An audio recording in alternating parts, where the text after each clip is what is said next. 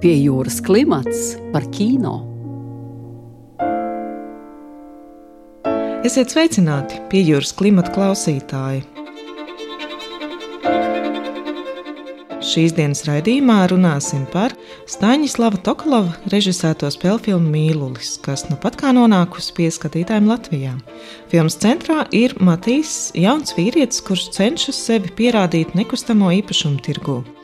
Negaidīti viņa personīgajā dzīvē notiek traģēdija. Pēkšņi mirst Agate, Matīsa gados vecākā un turīgā partnere, kā arī desmitgadīgās Paulas māte. Matīsam un Paulai jāsaprot, kā dzīvot turpmāk.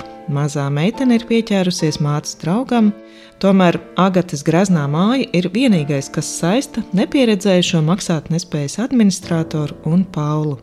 Vīrietim, kura kolēģi neskopojas ar padomiem mantojuma jautājumos, būs jāizcīna vairākas cīņas, un no tām lielākā pašam ar savu sirdsapziņu.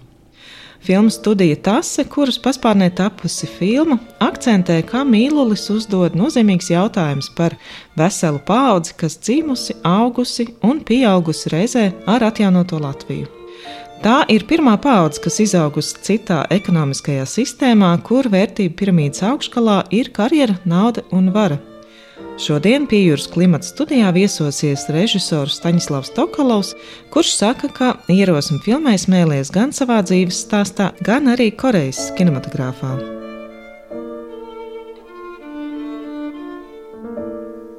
Tas gan tavā filmā, tas, ko viņi neredz, gan arī filmā Mīlulis nozīmīgu, es teiktu, pat lomu, nevis fonu, spēlē ēkas, arhitektūra. Un tā šķiet, ka vidē, kurā atrodas varoņi, tu piešķir būtisku nozīmi.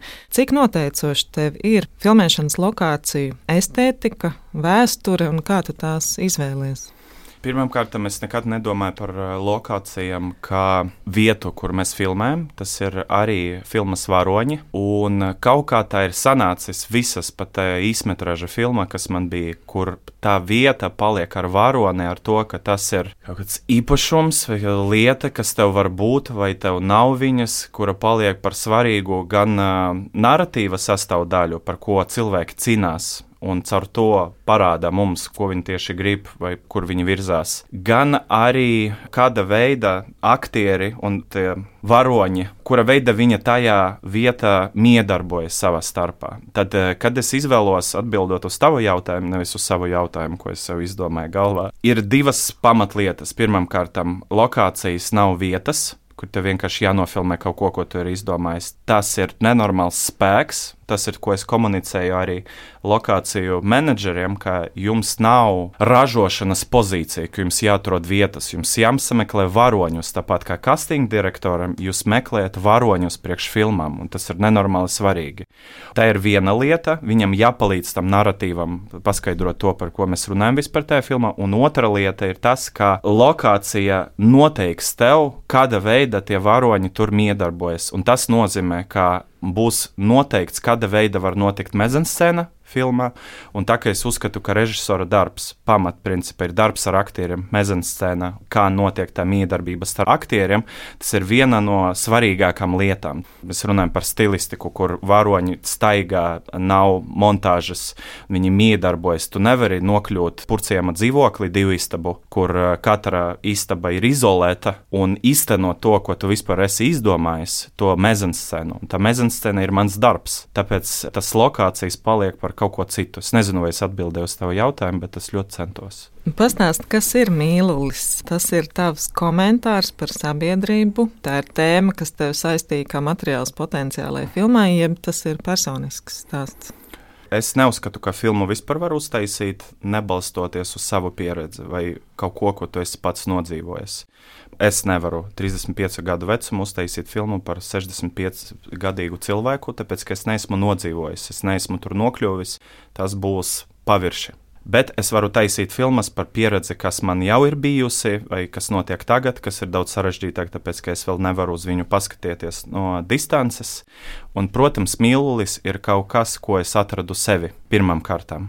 Un ne tikai sevi, bet arī cilvēkos sev apkārt, kā vienkārši kaut kāda tāda arhitipiska kvalitāte, ko mēs dažreiz izmantojam miedarbībā ar citiem cilvēkiem. Un uh, tā kā man, it īpaši jaunākos gados, bija tas ļoti spēcīgi, kur es izmantoju savu izskatu, iespēju runāt, iespēju nomanipulēt tādu cilvēku ar savu runāšanu vai jebko citu, kas ir priekš manis arī ir mīlulis. Man bija iespējams vispār par kaut kādu tādu filmu iedomāties un pamēģināt mazliet dziļāk paskatīties uz to, kas tas mīlulis ir un kas tur ir paslēpts aiz tā. Filmas lapā mēs lasām, vai būt mīlulim nozīmē būt mīlētam. Vai tas ir jautājums, kuru tu izvirzīji kā centrālo strādājot pie filmas?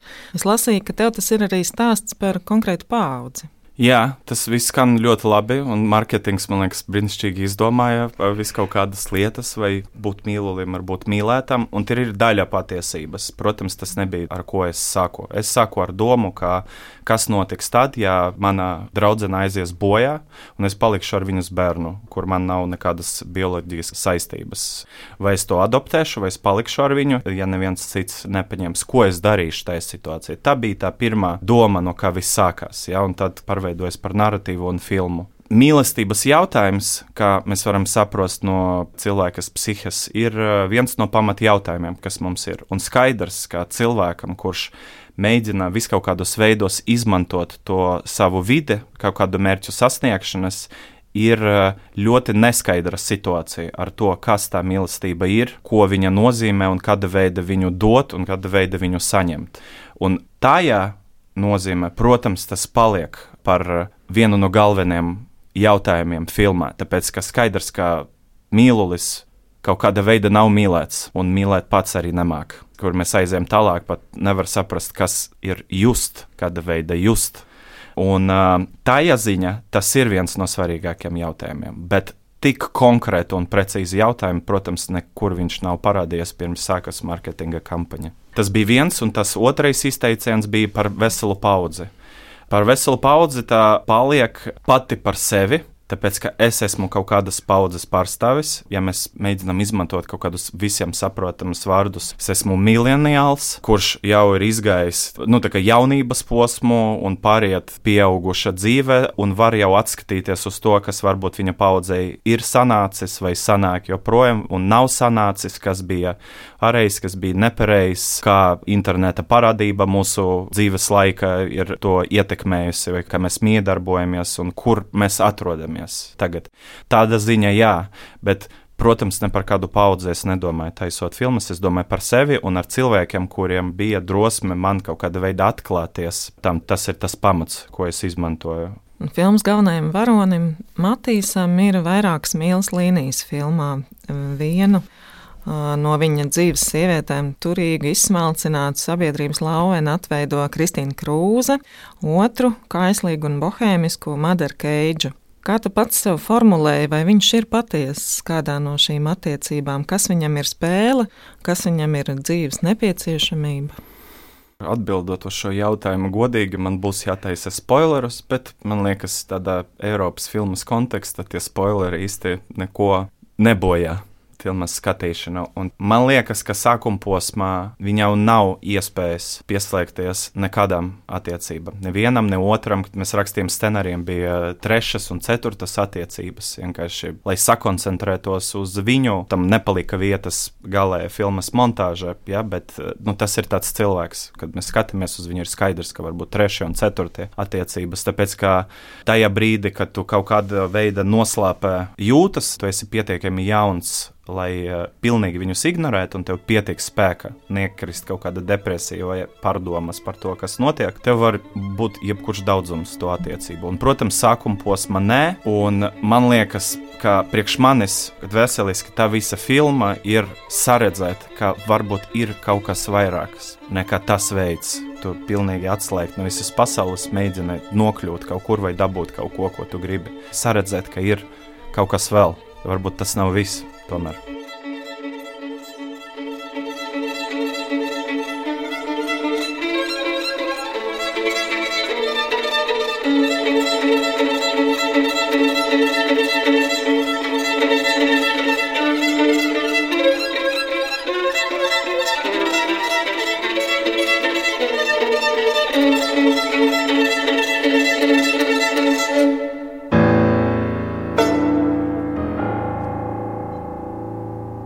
Žigolo Alfons ir ļoti pateicīgi kino tēli, jo viņi saistās ar baudu, ar intrigām. Vai tu pētīji šo personāžu atveidojums kino, piemēram, Paula Šrēdera, amerikāņu žigolo ar fantastisko Richardu Gīru galvenajā lomā? Mm -hmm. Tas filmas es esmu redzējis iepriekš, bet mana izpēte, protams, vairāk saistīs ar visam filmām, kur mēs varam redzēt attiecības starp diviem svešiem cilvēkiem, un kur no kuriem viens ir pieaudzis un otrs ir bērns, piemēram, Paperman. Uh, Bagdanoviča, piemēram, Vima Vendersa filmā Alice in the City, kura man liekas, vispār ir brīnišķīgs piemērs. Tāpēc, ka man liekas, ka tas ir pamat, tas ir tas, kas notur to filmu. Mēs varam runāt par uh, žigolo un veidiem, bet tieši tas attiecības ir gan catalyst, tas, kas ierosina vispār to filmu, un viņa kaut kur iet un iedot iespēju tam varonim, varbūt kaut kur citur nokļūt, nekā viņš ir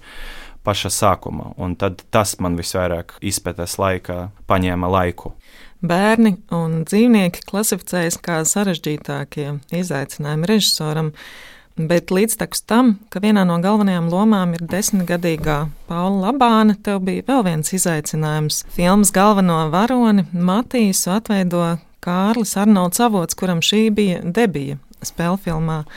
Kāds bija tavs darbs ar aktieriem, vai tie bija amerikāņu kalniņi, jeb tomēr rāmāks process? Nu, es te varu pateikt, tā ar Karli mēs mēģinājām divus gadus, un, kad es taisīšu nākamo filmu, nu, es sev izdomāju, eh, ka es taisīšu, neviens to nezina, bet, nu, zini, jādomā labas domas, lai kaut kas labs notiktu. Domāju, ka es mēģināšu vēl ilgāk. Viens no iemesliem, kāpēc eh, Oļegs, piemēram, Mūtu, kas ir mūsu operators, piekrīta vispār to filmu taisīt, tāpēc, ka mēs Gandrīz kā pirmā sarunā sapratām, mums ir līdzīga saprāšana par to, ko dara operators, ko dara režisors. Viņš saprata, ka mēs varam strādāt kopā, tāpēc, ka uzskatu, ka režisors darbs ir aktieris numur viens. Tas ir vienīgā lieta, ja viņa nesanāk, tad vispārējais sabrūks un nav nekādas jēgas. Ar Karli mēs strādājām divus gadus, pusotru no kuriem viņš nezināja, ka viņam būs tā loma, kas bija ļoti sarežģīts, protams, periods, un kā jebkurš cilvēks, un man liekas, tas ir pilnīgi normāli. Mums bija vietas, kur mums kaut kas sanāca, un vietas, kur likas, ka, nu, priekš kam vispār to darīt, ja viņam ir arī cita dzīve, un spējas kaut kur nokļūt. Un man liekas, ka mēs, protams, diezgan lielu soli uz priekšu parādījām no tā castinga, kas bija līdz tai vietai, kad mēs sākam filmēt. Un kā mēs zinām, Karlim arī diezgan labi iet tagad, ja viņam ir janvāris galvenā loma. Tas neticami vienkārši. Nu, Karlis ir Большой молодец. Ja? Nu, liels malacis tajā ziņā ir un daila teātris, viņam ir galvenās lomas. Runājot par meiteni, es neuzskatu, ka bērns var spēlēt kaut ko, un ka tu vari pieprasīt no viņa tās pašas lietas, ko tu pieprasi no profesionāla aktiera, kuram ir profesija. Bet ja tu atrod bērnu, kuram kaut kādu iemeslu dēļ nav bloka uz uh, kameru, un viņš var godīgi dzīvoties piedāvātos apstākļos uz ekrāna, nav svarīgi, cik talantīgs aktieris to bērnu neapspēlēs. Un uh, Paulai ir brīži, ka neredz ne kameru, nedomā, vienkārši dara. Un tāpēc, kā aktieris tomēr iet kādā domāšanas procesā un tad mēģina atbrīvoties no viņa tieši kadrā, to bērnu ļoti grūti apspēlēt nospēlēt augstāk. Tad tomēr ir kaut kāda veida cīņa, ja tu klausies otru cilvēku, bet nu, mēs visi redzam uz ekrāna pēc tam, kam sanāca labāk, kam sliktāk. Tas ir eh, neizbēgami. Un tā ja ziņa bērni un dzīvnieki kopā viņi nemelo. Viņi vienkārši ir tādi, kādi viņi ir. Un cilvēkam, kurš caur domāšanas procesu mēģina nokļūt tajā vietā, protams, ir ļoti sarežģīti sacensties ar kaut ko tik godīgu. Tu strādāji ar rumāņu operatoru Oļegu Mutu, kurš ir uzņēmis leģendāro rumāņu jaunā viļņu filmu Kristiānu Mundžu. Četri mēneši, trīs nedēļas un divas dienas, vairākas Sergeja Lozņets filmas, kā arī Aleksandra Mindādzes fantastisko Mans labais Hans. Kāda ir tava iespēja par šo sadarbību, kā jūs attīstījāt ideju kā filmēt mīluli. Mm -hmm. Es gribu tev iebilst par to, ka man liekas, ka leģendāra filma no Rūmaņa jaunas Viļņa ir uh, Death of Mr. Lazaresku nave, tāpēc ka tā ir uh, pirmā filma, kura iesāk to vilni, un uh, Minģu arī ar Oļegu uh, principā paņēma gan operatoru no Piju, no tās filmas, gan noskatījies to stilu un tad uztaisīja. Tā kā tas bija tik svaigs, Mr. Lazaresku nāve, tas bija tik svaigs, viņa uzvarēja tikai Uncertain Regard tajā gadā. Un tā otra filma, kad jau visi gaidīja to nākamo darbu, uzvarēja Zelta Palmas Zaru Kanas filmu festivālā. Tad tur ir tāda vēsturiskā netaisnība, ja, ko es, protams, no Oļega arī uzzināju. Ja, mm. Mēs sākam par to runāt. Es esmu ļoti daudz ko iemācījies. Mēs atrodamies ļoti dažādos eh, posmos mūsu kino karjeras, kur es eh, taisu savu otro spēlu filmu, un Oļegs filmē ar uh, visiem cilvēkiem, kuras filmas mēs tiešām gaidām no Eiropas. Un, uh, Mēs ļoti ātri vienojamies par kaut kādām lietām, kas mūs abus saista, kāpēc vispār viņš piekrīta to darīt. Priekš manis jaunais rumāņu vilnis ir joprojām tas notikums Eiropas kino, kuru mēs visi dzīvojam, un kaut kādā veidā mēģinam viņu interpretēt un uztaisīt. Nekas jauns neparādījies no tā laika.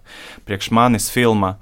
Diemžēl 4 mēneši, 3 nedēļas un 2 dienas, tāpēc ka es redzēju viņu pirmo pirms jebkuras puju filmas bija filma, kura pilnīgi pagrieza mani uz citu pusi. Tas bija neticams notikums. Es domāju, pat lielākais notikums manā skatīšanas karjerā, kur es ļoti ilgu laiku skatījos vismaz vienu filmu dienā, no 16, 17 gadu vecumā līdz pat 28, 29. Nu, vismaz vienu. Tas vienkārši bija noteikums. Tu atnāc mājās, tu iesiec filmu un noskaties viņu.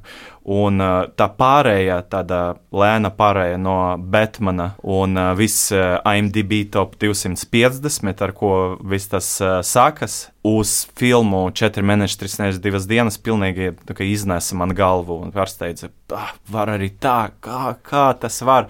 Un pilnīgi pagrieza mani uz kaut kādu citu pusi. Un mēs uh, atgriežoties pie jautājuma, tā es peldu ļoti spēcīgi, bet labi mēs vienojamies par uh, to, kā mēs jūtam, ka tā iekšainas montāža īsti nedod neko un ir ļoti manipulatīva. Tāpat kā Rumāņa jauna vilna, mēs vienojamies par to, ka muzika, tāda pārbliesta ar muziku filma ir arī ļoti manipulatīvs veids, kā darboties ar skatītāju. Vienojamies arī, ka mums jāstrādā pie režisora scenārija ar to, kur mēs nevis sākam, bet skatāmies. Es tā, nu, visīsākā veidā varu noformulēt. Ja? Man liekas, kaut kādu ceļu mēs ar to esam izdarījuši, bet es no tās pieredzes, piemēram, iešu daudz tālāk savos nākamajos darbos, tāpēc ka tas palika ar mani visvairāk skatīties, nevis teikt vai risināt, vērot. Arī spēļu filmas, ne tikai dokumentālā kino. Kā es strādāju ar aktieriem, nu visu, ko es jau pirms tam darīju, un tas nav kaut kāds uh, koncepts. Uh, mēs uh, ļoti spēcīgi gatavojamies pirms filmas, un tādus filmas es uh, visu savu spēku un laiku devu mezanscenas veidošanu un tā aktiera mīdarbība, un viņš visu savu spēku velta tam, kā to nofilmēt. Piemēram, uh, Oļegs nekad netaisīs nekādas schēmas pirms tam vai kādas zīmējumus, kad ir ļoti sarežģītas ainas, es dažreiz uzzīmēju. Oļegs nekad to nedara. Un es viņam piekrītu, tāpēc, ka es, piemēram, storyboardu nedaru. Tāpēc, ka tad tu skaties uz lapu, nevis uz to, kas notiek tev apkārt, uz tās filmēšanas dienas, tā maziņa laika, kas tev ir iedots. Un viņš iet vēl tālāk, Viņš visu ļoti labi saprot, ko mēs stāstām, bet kamēr nenotiek tā mezanscēna, un es visu laiku braucu pa stundu ātrāk ar aktieriem, veidojot tos mezanscēnas uz visam tam ainam, lai kad visi jau atnāk un var darboties ar visu komandu, kā ir kaut kas, ko tu vari redzēt un just. Un tāda, tajā brīdī tu īsti saproti, kā to arī var nofilmēt. Tas nāk tikai ar pieredzi un pārliecību par to, ko tu dari no viņa puses.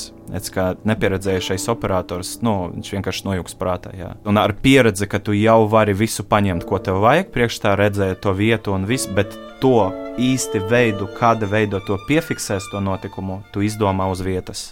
Paldies par sarunu tev! Studijā viesojās filmas Mīlulis, režisors Staņislavs Tokalovs. Paldies liels par uzaicinājumu!